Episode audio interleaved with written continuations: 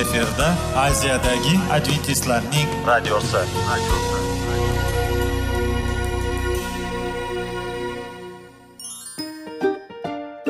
assalomu alaykum aziz radio tinglovchilar sog'liq daqiqasi rubrikasiga xush kelibsiz zero tananing sog'lom bo'lishi va uning kasalliklardan saqlash har bir insonning burchi hisoblanadi. Inson uchun bebaho boylik bu sog'liq salomatlikdir uni asrash esa har birimizga omonat qilib berilgan. Shuning uchun ham inson o'z sog'lig'ini ehtiyot qilishi voajib amallardan hisoblanadi. Dono xalqimiz sog'liq tuman boylik deb bejiz aytmagan. Aql idroq sohibi bo'lgan inson o'z hayotini qadrlashi lozim bo'ladi. Hozirgi kunda qanchalik dori darmonlar ko'paymasin tibbiy muassa sifati shifokorlar vasiyasi tibbiy texnika yaxshilanmasin. Agar insonning o'z salomatligi haqida qayg'urmasa kutilgan natijaga erishib bo'lmaydi va biz sizlarga bizning dasturimizga xush kelibsiz deymiz.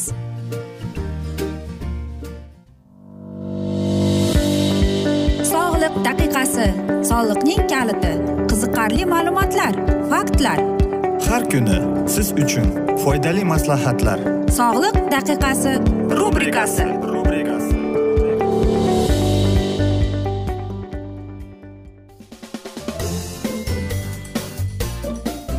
assalomu alaykum aziz radio tinglovchilar. Dasturimizga xush kelibsiz va biz sizlar bilan qanday qilib sog'lom bo'lish kerak degan dasturda xushvaqt bo'ling deb aytamiz. Va bugungi bizning dasturimizning mavzusi bu qotil tamaki deb ataladi. Insonning yana bir qotili bu tamakidir. Yer yuzida bir milliarddan ortiq odam muntazam ravishda chekadi va tamakini chaynaydi.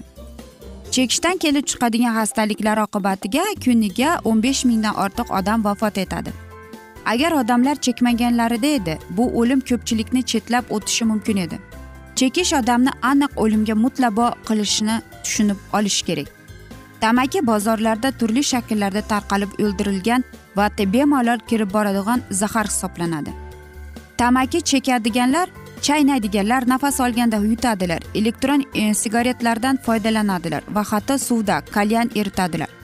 Tamakining hamma shakllari zararlidir. Ular xastalanish xavfini kuchaytiradi hatto o'limga olib boradi. Tamaki har yili olti million mingga yaqin odamning hayotidan ko'z yumishiga olib keladi. Ulardan olti yuz mingtasi chekmaydiganlar ammo passiv tarzda chekish ta'siriga tushganlardir. Bir milliard chekuvchilarning taxminan sakson foizi past va o'rtacha daromad oladigan mamlakatlarda yashaydi. Butun dunyoda tamaki mahsulotlarini iste'mol qilish o'sib bormoqda.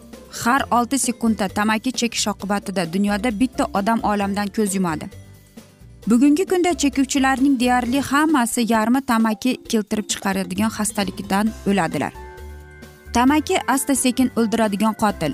Odam chekishni boshlagandan keyin uning sog'lig'i izdan chiqqunga bo'lgan davr anchagacha bir necha yil. Bu jamiyatning sog'lomligiga jiddiy xavflardan biri bo'lib olam bu bilan qachonlardir to'qnash kelgan. Tamaki chekuvchi odamni o'ldirib qolmaydi balki passiv chekuvchilarni ham asta sekin o'ldirib ularning sog'lig'iga ham zarar yetkazadi.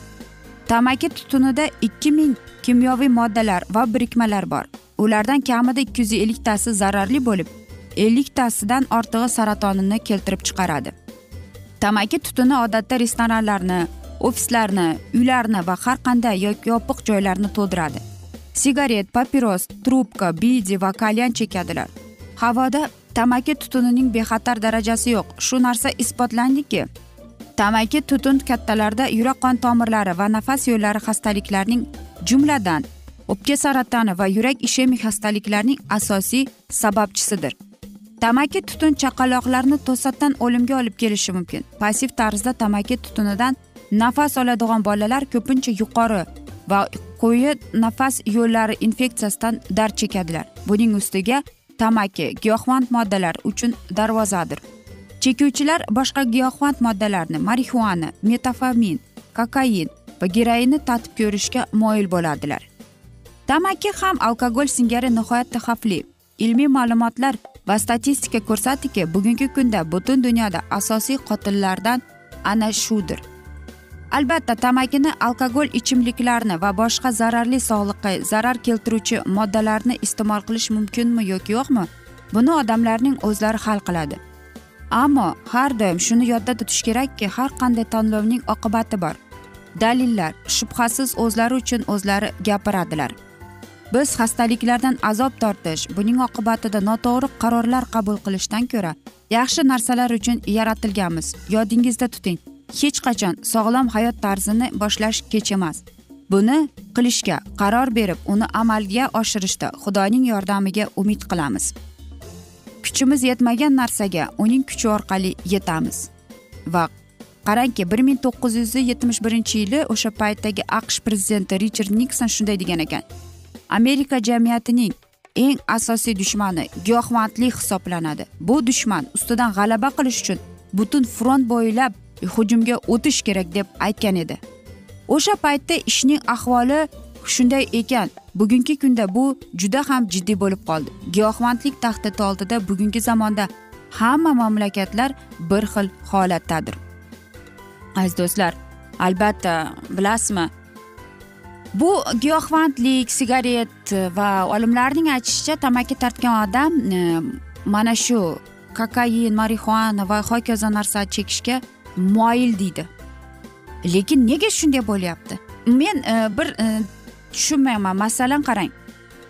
E, sigaret chekayotgan odam nimani his qiladi? Hech e, masalan men o'ylanib qolamanda qanday qilib bu tamaki tortadi? Axir u yon atrofdagilariga zarar yetkazyaptiku deb. Bilasizmi? Bilmayman necha yil bo'ldi. Lekin e, rossiyada shunday bir qonun borki hech e, siz e, mana bu umumiy ya'ni общественный joyda siz umuman sigaret chekishga sizga man etilgan hattoki restoran kafe bo'lmasin faqat bor endi alohida bir qandaydir restoran kafelar bor u yerda ataylab o'shanaqa sigaret chekishadi mumkin lekin aynan ostanovka ko'cha kuyda siz hech ham na sigaret chekasiz na spirtli ichimlik ichasiz men o'ylaymanki bu eng yaxshi qonun deb hech kimga zarar yetkazmaydi aziz do'stlar mana shunday asnoda esa biz afsuski bugungi dasturimizni yakunlab qolamiz chunki vaqt birozgina chetlatilgan.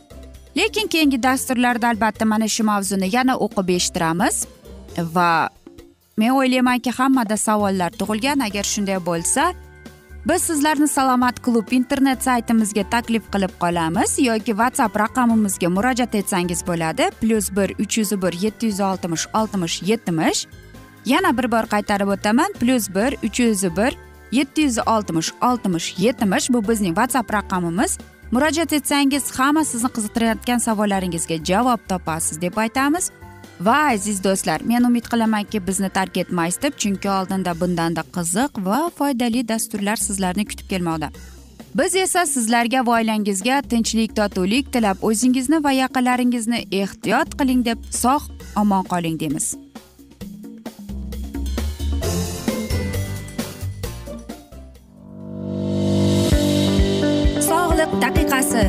Soliqning kaliti.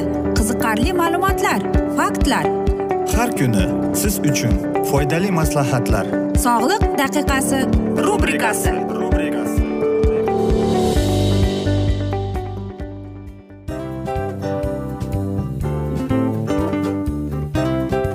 Mana ha hayotda hamma narsaning yaxshi narsalar tugaydi va yakunlaydi degandek bizning dasturimizga ham yakun keldi o'ylaymanki bizning dasturimiz sizga foydali bo'ldi deb. Aziz radio tinglovchimiz va siz o'zingiz uchun kerakli xulosalar kerakli maslahatlar olib oldingiz. Aziz radio tinglovchimiz biz bilan qoling va keyingi dasturlarimiz albatta undanda qiziqroq bo'ladi. Mana shu alfozda sizlar bilan xayrlashib qolaman.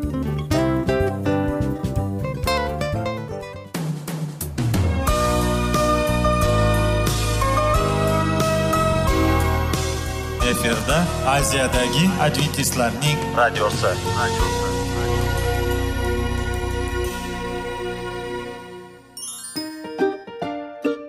Assalomu alaykum aziz radio tinglovchilarimiz.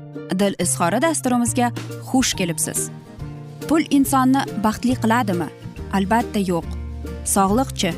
Albatta bo'lishi mumkindir. Lekin olimlar shuni isbotlashdiki to'liq va mukammal munosabatlar insonlarni baxtli qilar ekan. Albatta biz hayot davomida biz yaqin insonlar bilan odamlar bilan aloqada bo'lamiz va ular bilan munosabatlarimiz qanday kechadi qanday tuziladi? Yigit va qiz er va xotin ota ona va farzandlar va yaqin insonlar bilan. Balkim hozirgi vaqtda kimnidir hayoti yoki munosabatlari buzilyapti. Va bizning dasturlarimiz ularga yordam bo'ladi deb. Va oldinda sizlarni qiziqarli intervyular va mavzular kutyapti va biz umid qilamizki siz biz bilan qolasiz deb.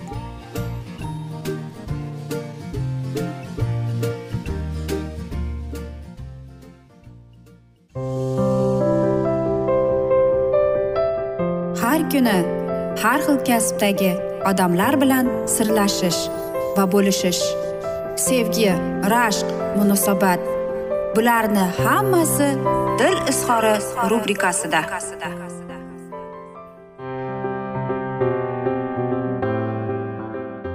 Assalomu alaykum aziz radio tinglovchilar. Dasturimizga xush kelibsiz va biz sizlar bilan oila va nikoh degan dasturda xushvaqt bo'ling deb aytamiz. Va bugungi bizning dasturimizning mavzusi oilalar tinch totuv bo'lishi uchun nima qilish kerak deb nomlanadi. Oilalar buzilishiga sabab bo'layotgan illatlarni bartaraf etish jamiyat tayanchi bo'lgan oilalar mustahkamligini ta'minlash uchun nima qilish kerak? Qanday yo'l tutsak xonadonimiz tinch totuv bo'ladi farzandlarimiz ko'zlari quvonchdan porlaydi. Buning uchun quyidagilarga amal qilish tavsiya etiladi. Birinchidan oila tinchligi mustahkam iymon e'tiqod milliy qadriyatlarimizga sodiqlik birin ketin tushunish kabi hislatlarga asoslanadi. Ota bolalarimiz boriga shukur yo'g'iga sabr qilib yashashgan. Hozir ko'p yoshlar boriga qoniqmaydi. Agar ro'zg'orda ozroq yetishmovchilik bo'lib qolsa dod faryod solib hayotdan noliydi. Aslida ota bobolarimiz bizdek farovon qulay to'kin sochin turmushga ega bo'lmasalarda qanoat qilishgan o'zaro hurmatda bo'lishgan. Arzimas narsalarni deb bir birlarini haqorat qilishmagan. Oila mustahkamligini saqlab qolishgan. Yana bir jihatni eslatib o'tish lozim. Ba'zi yoshlar odob axloq iymon e'tiqodga nisbatan eskilik sarqiti deb qarab o'zlaricha yevropa madaniyatiga taqlid qiladilar. Vaholanki bu madaniyat chiqqaniga hali ko'p bo'lmadi. Hozir yevropaning aql idroqli odamlar bu madaniyatdan bezor bo'lib ruhiy poklikka harakat qilishmoqda. Shunday bir paytda bunaqa chirqin odatlarga iymon e'tiqodli ota bobolarimiz avlodlari ergashishi uchun juda achinarli. Ikkinchidan yoshlarni katta hayotga tayyorlab borish kerak. Afsuski ko'pchilik ota onalar latta putta mebel gilam parda kabi mayda chuyda narsalarga bor e'tiborini qaratib asosiy vazifani qizini turmushga tayyorlash yigitni haqiqiy erkak mard jasur oila boshlig'i qilib tarbiyalashni unutib qo'ymoqda. Oilalar buzilishiga mana shu narsa asosiy sabab desak ham xato bo'lmaydi.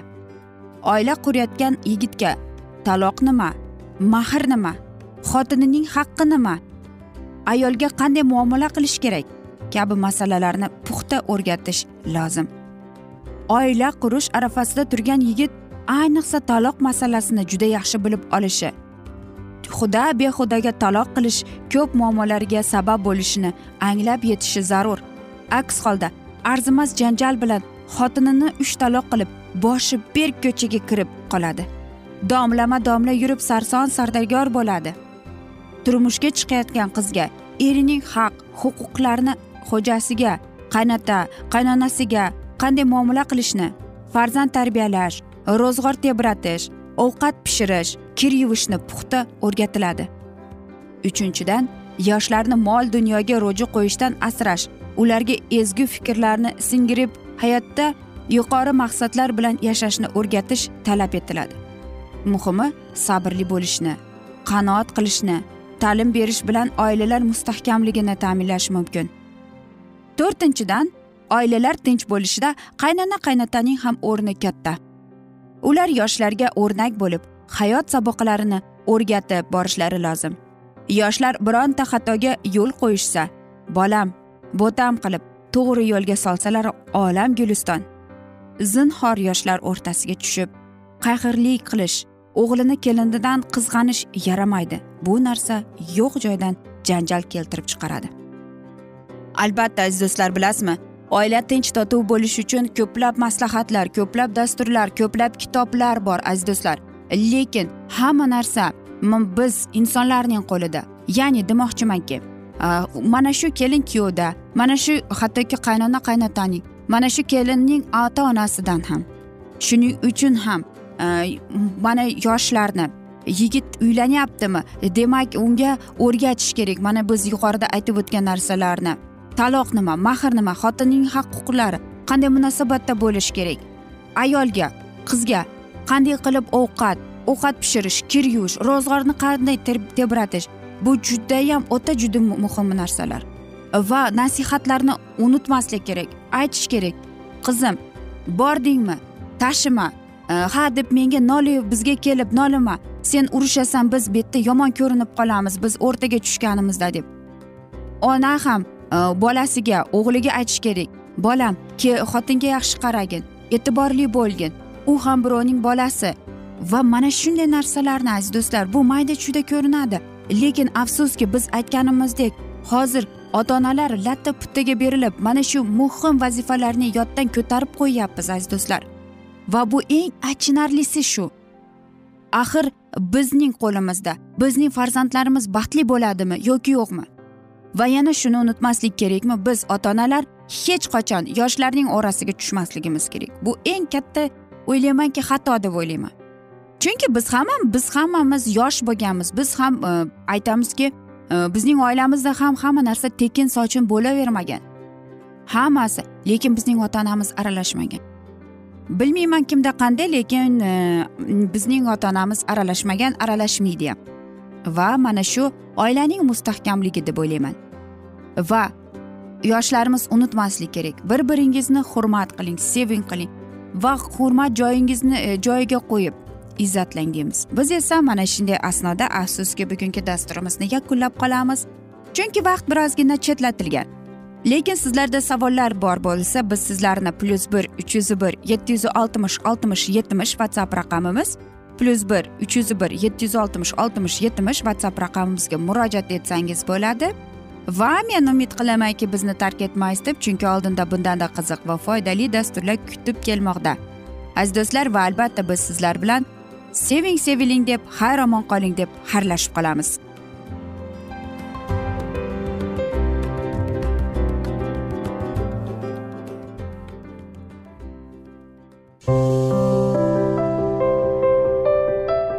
Har kuni har xil kasbdagi odamlar bilan sirlashish va bo'lishish. Sevgi rashq munosabat. Bularni hammasi dil izhori rubrikasida. Mana aziz radio tinglovchimiz bizning go'zal va foydali va chiroyli dasturimiz yakunlanib bormoqda. Sizlarga birozgina maslahat berib o'tmoqchi edik. Bir biringizni seving qadringizga yeting va erkalang albatta bir biringizni va sizga judayam chiroyli va mustahkam munosabatlar tilab qolamiz albatta. Sevgilingiz doimo yoningizda bo'lsin. Mana shu borada sizlar bilan xayrlashib qolamiz. Xayr.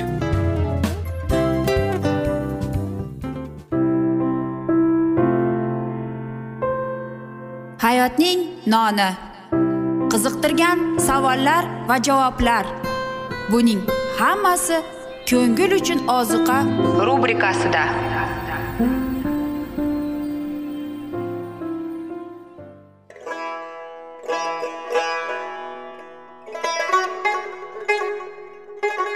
Assalomu alaykum aziz radio tinglovchilarimiz.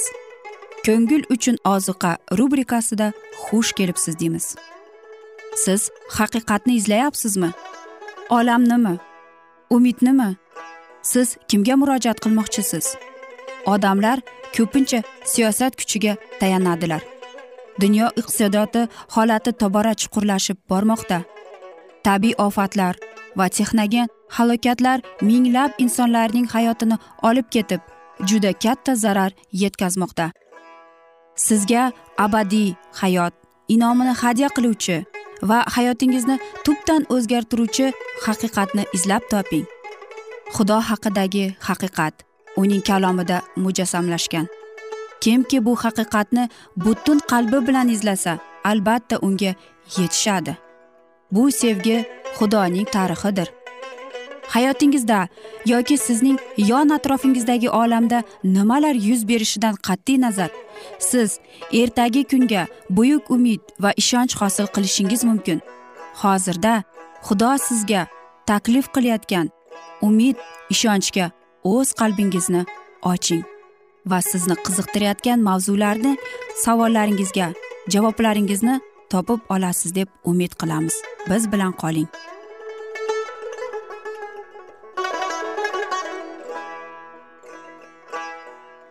Assalomu alaykum aziz radio tinglovchilar. Dasturimizga xush kelibsiz va biz sizlar bilan ulug' otalar va payg'ambarlar degan dasturda xushvaqt bo'ling deb aytamiz va bugungi bizning dasturimizning mavzusi yusuf va uning aka ukalari deb nomlanadi. Va biz sizlar bilan o'tgan galgi mavzuni bugun davom ettiramiz. Hokim ular bilan uchrashganida o'zlari bilan olib kelgan sovg'alarni uyga kirgazishdi va yusufning oldida erkincha enkayib ta'zim qilishdi va yana yusuf ko'rgan tushlarini esladi salomlarini olganidan keyin shoshib so'radi. O'sha sizlar aytgan qari otangiz sal salomatmi? Hanuz hayotmi? deb va javob eshitdi. Bandangiz otamiz salomat hanuz hayotlar. Va ular yana bosh egib ta'zim qilishdi. Shunda yusuf ko'zlarini o'z onasining o'g'li ukasi binyaminga tiqib menga aytgan kenja ukangiz bumi? dedi. Va birozdan so'ng eh o'g'lim xudo senga marhamat aylasin dediyu shitob bilan chiqib ketdi. Chunki bag'rida bo'lgan nazokat hislarini boshqa tutolmasdi ukasiga nisbatan mehri qaynab yig'lagisi keldi va o'z yotog'iga kirib yig'lab yubordi. O'ziga kelgandan keyin yusuf qaytib yana tashqariga chiqdi. O'ziga hokim bo'lib taom qo'yilsin deb amr berdi. Odat bo'yicha misrliklar ajnabiylar bilan birga ovqat yeyishi mumkin emas. Bu ular uchun mahruq hisoblanardi. Shuning uchun yoqubning o'g'illarini alohida o'tqazdilar yusuf o'zining baland vaziyatiga muvofiq alohida taomlanardi. Qolgan misrliklar ham alohida o'tirdilar. Hamma joylashgandan keyin yusufning aka ukalari hayron bo'lib bir biriga qarab turishardiki yusuf dasturxonidan ularga kattasidan boshlab ovqat berishar ekan. Benyaminning hissasini akalariga qaraganda besh karra ko'p qilib berishardi. Benyaminga aynan afzallik berilar ekan. Yusuf shuning bilan bilmoqchi ediki aka ukalarning kichik ukasiga muammolari oldin yusufga bo'lganidaymi? Rashq va nafrat degan narsalar yo'qmi? Haligacha yusuf ularning tilini tushunganini payqamay ular erkinlikgina o'zaro gaplashib o'tirishardi. Shunday qilib ularning haqiqiy hislarini bilish uchun yusufda imkoniyat bor bo'ldi. Shunday bo'lsa ham ularni biron marta sinamoqchi bo'ldi va ular yo'lga chiqib ketishlari oldidan kenjaning xurjuniga o'zining kumush jomini solib qo'yishga e, buyurdi. Ertasiga tong yorishar ekan o'g'a inilarini xursand qilib jo'natib yuborishdi. Benyamin ham shimon ham ular bilan birga edi. Eshaklar ham g'alla bilan og'ir yuklangan o'zlari eson omon qutulib ketganlaridan juda shodlanardilar. Lekin ular shaharning chegarasiga yetib bordik deganda yusufning uy boshqaruvchisi ularga yetib oldi va jiddiylik bilan nima uchun sizlar yaxshilikka yomonlik qaytardingizlar? Mana bu jom xo'jayinimning jomiku sizlarning bu qilgan ishingiz juda yomon ish dedi. Bu jomning bir xususiyati bor deb tasavvur qilinardi. Ya'ni bu jom har turli zaharliklarni bildirib bera oladi. Shu paytlarda unga o'xshash idishlar juda qimmat sanalardi. Э, va chunki ular zaharlanib o'lishdan saqlanib qolardi. Sayohatchilar bu ayblashga e'tiroz bildirib nima uchun janobimiz bunday? deyaptilar. Bandalaringiz shunchalik ramas ishni aslo qilmaydilar. Mana bundan avval biz xurjunlarimizdan topgan kumush pulni qanon yeridan olib kelib sizga qaytarib berdik. Yana qanday qilib siz xo'jayiningizning uyidan kumush yoki oltinni o'g'irlar ekanmiz? Bandalaringizdan kimning yonidan jom topilsa u o'lsin va hammamiz ham janobingizga qul bo'laylik deyishdi. Mayli aytganingizdek bo'lsin deydi u uy boshqaruvchisi. Jom kimning yonidan topilsa u menga qul bo'ladi. Qolganlaringiz esa aybsiz bo'lib chiqasizlar. Shu zahoti tintuv boshlandi. Ularning har biri shosha pisha xurujini yerga tushirib olishdi. Uy boshqaruvchisi eng kattasining ham kichigining ham ashyorlarini titib chiqib jomni binyaminning xurujidan topdi. Yusuf aka ukalari mayuslikka tushib ustidagi kiyimlarini yirtdilar va boshlarini egib shaharga qaytib kirdilar. Ularning va'dasiga munosib benyamin endi qul bo'lishi taqdirlangan. Uy xo'jayinining ketidan yurib saroyga kirdilar. Hokimning oldiga yerga yiqildilar. Yusuf ularga bu qilgan ishingiz nimasi? Yoki mendek odam karomat qila olishini bilmas edingizmi? dedi. Shu so'zlari bilan yusuf ularni gunohlarida e'tirof etishlariga niyatda edi. U hech qachon ilohiy kuchga sazovor bo'lish ilinchida yurmasdi. Faqat ular ishonsinlarki yusuf ularni ichidagi sirlarni o'qiy oladi deb xohladi. Yahuda biz janobingizga nima qilib ham derdik nima deb o'zimizni oqlaymiz? Mana xudoning o'z bandalaringizning gunohi fosh qilibdiku. Mayli biz janobingizga qul bo'lamiz. Jom topilgan odam ham boshqalarimiz ham sizga qul bo'lamiz dedi. Aslo men bunday qilmayman deb berildi. Faqat kimdan jon topilgan bo'lsa o'sha menga qul bo'ladi. Qolganlaringiz eson omon otalaringiz oldiga borasizlar deb. Shunda yahuda chuqur mayuslikka tushib hokimga yaqinroq kelib hayqirdi janobi oliylari ijozat bersalar bandangiz janobining quloqlariga bir og'iz so'z aytsa janobimning o'zi fir'avn o'rnida bo'lsalarda menga g'azablanmasinlar yurakni eritadigan so'zlar topib u yusufni yo'qotadigan yo'qotgandan keyin otasini chekkan iztirobini binyaminni misrga qo'yib yuborishni xohlamaganining sababi zero binyamin sevikli xotini rohiladan qolgan yagona o'g'il edi deb hammasini bayon etdi. Endi esa da u davom etdi. Agar men bandangiz otang yoni borganimda u bilan bir jon bir tan bo'lgan shu bola bizlar bilan birga bo'lmasa o'g'lingning yo'qligini ko'rib u o'lib qoladi. Biz bandalaringiz bandangiz otamizning oq sochini alam bilan go'rga olib borgan bo'lamiz deydi. Aziz do'stlar Э, mana shunday asnoda esa biz afsuski bugungi dasturimizni yakunlab qolamiz chunki vaqt birozgina chetlatilgan. Э, lekin keyingi dasturlarda albatta mana shu mavzuni yana o'qib eshittiramiz. Э, va agar sizlarda savollar tug'ilgan bo'lsa plyus bir uch yuz bir yetti yuz oltmish oltmish yetmish plyus bir uch yuz bir yetti yuz oltmish oltmish yetmish bu bizning whatsapp raqamimiz. E, murojaat etsangiz barcha qiziqtirayotgan savollaringizga javob beramiz deymiz. Va men umid qilamanki bizni tark etmaysiz deb chunki oldinda bundanda qiziq va foydali dasturlar kutib kelmoqda sizlarni. Va albatta sizlarga va oilangizga tinchlik totuvlik tilab o'zingizni va yaqinlaringizni ehtiyot qiling deb xayrlashib qolamiz.